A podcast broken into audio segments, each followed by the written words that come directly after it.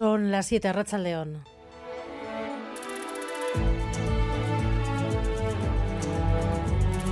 Gambara con Arancha García.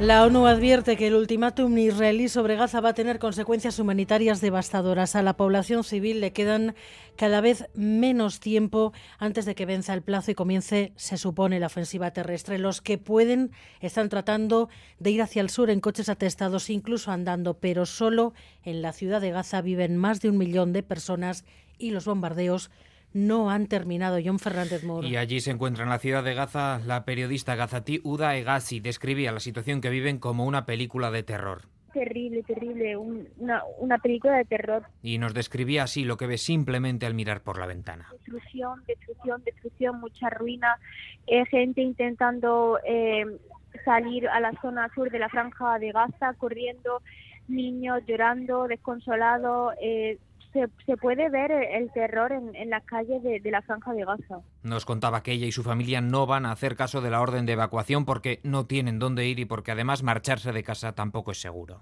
En el proceso de evacuación podrían morir en cualquier momento y tampoco es que no hay sitio para recibir a este tan alto número de personas. En, la gente está ahora, la gente que ha procedido a evacuar se encuentra en hospitales, en centros médicos, tirados en las calles y tampoco eso no es, no es seguro. Esta periodista gazatí denuncia además que el objetivo de Israel es quedarse con más terreno y expulsar de allí a la población palestina.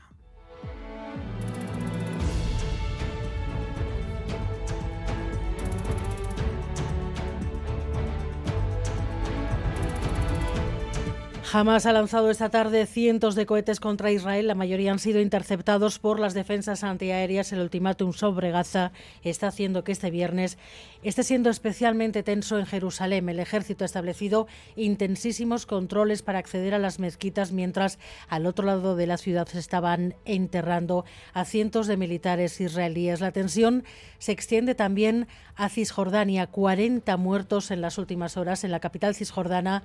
En Ramala está el enviado especial de Radio Euskadi, Xavier Madariaga, Arrachaldeón.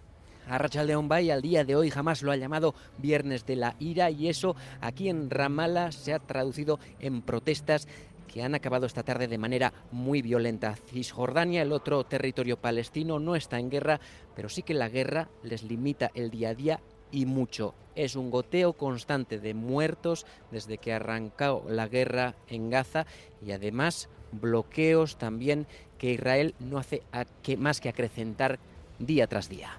Bueno, pues así están las cosas, mientras el riesgo de que la mecha prenda también en otros países de la zona continúa y parece que cada vez podría ser algo más real, John. Sí, porque el ministro de Exteriores de Irán, de, de visita en Beirut esta mañana, se reunía allí con el máximo responsable de la milicia Hezbollah. Advertía de que si Israel no pone fin a los crímenes de guerra, podía abrirse un nuevo frente de conflicto en la frontera entre Israel y Líbano. Pues bien, las sirenas han vuelto a sonar esta tarde en el norte de Israel por ataques que ha reivindicado ya la propia Hezbollah, ha atacado posiciones del ejército israelí, las Fuerzas Armadas israelíes han respondido con ataques contra territorio libanés. Y en Francia se sigue investigando como acto de terrorismo el asesinato de un profesor en un instituto esta mañana. Un exalumno ha entrado en el centro con un cuchillo, hay otros dos heridos graves. Las negociaciones para la investidura de Pedro Sánchez se intensifican a partir de la semana que viene, una vez que el candidato ha terminado ya la ronda de consultas. Hoy con EH Bildu por primera vez, además, con foto oficial y con Junts. El apoyo de Bildu está asegurado por ahora el único seguro Isaro Baza. Eso es, Sánchez ha cerrado su ronda de contactos con Bildu y con Junts. La formación de Izquierda Berchalde tilda su encuentro con el candidato socialista de hito para la construcción de la confianza. Bildu se ha comprometido a apoyar a Sánchez y a sus proyectos progresistas futuros, pero mientras tanto, desde Junts no son tan optimistas. El acuerdo con los de Puigdemont parece estar lejos. Terminada la ronda, los equipos negociadores intensificarán los contactos a partir de la semana que viene para hilar y atar los apoyos para la investidura de Sánchez. La trama de espionaje a Luis Bárcenas para robar documentos del caso Gürtel. Entre tanto, va a sentar definitivamente en el banquillo al exministro Jorge Fernández Díaz y a la cúpula del Departamento de Interior de Mariano Rajoy. Anticorrupción pide 15 años para el exministro de Interior. 1.300 euros por persona y años lo que nos gastamos en hostelería. Son datos del EITB Data que les estamos ofreciendo hoy. Consumimos 75 litros de alcohol por persona y año. Es viernes, son las 7 de la tarde. La gente está en los bares. David Veramendi, Rachaldeón. Sí, a Rachaldeón decías bien, los vascos somos los que más dinero gastamos en hostelería en todo el Estado español y como muestra en efecto la imagen de la Plaza de la Constitución aquí en el corazón de la parte vieja Donostiarra con terrazas llenas y eso a pesar de la intermitente lluvia. Gastamos como decías una media de 1.300 euros al año, bebemos entre 75 y 78 litros, además el 18% reconoce beber alcohol todos los días, sobre todo cerveza, luego vino, apunten La Guardia, Ciervena y La Bastida, los pueblos con más bares por habitante.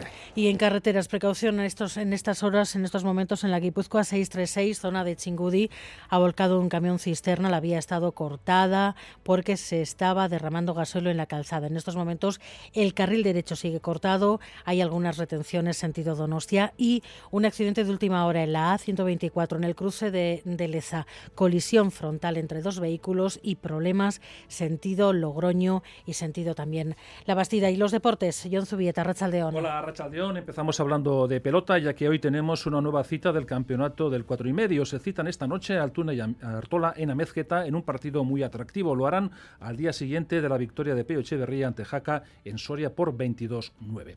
Por lo que se refiere al golf, nueva jornada del Open de España en el que el abortano Lorenzo Vera es cuarto a dos golpes del líder, el francés Pavón, que ha firmado una tarjeta de 131 golpes. Otaegui es vigésimo cuarto a seis golpes del eh, galo. Además, John Ram está muy alejado del puesto a cabecero en el puesto 45 con 139 golpes a 8 del líder. Además, esta noche comienza a partir de las 0 horas la Iru Aundiac, la ascensión del Gorbea, Amboto y Aizcorri con la participación de mil atletas, un 15% de ellos serán mujeres. Además, mañana tendremos en Bilbao la Milla Internacional. Miguel Ortiz y Alberto Zubel ya están en la dirección técnica. Comenzamos.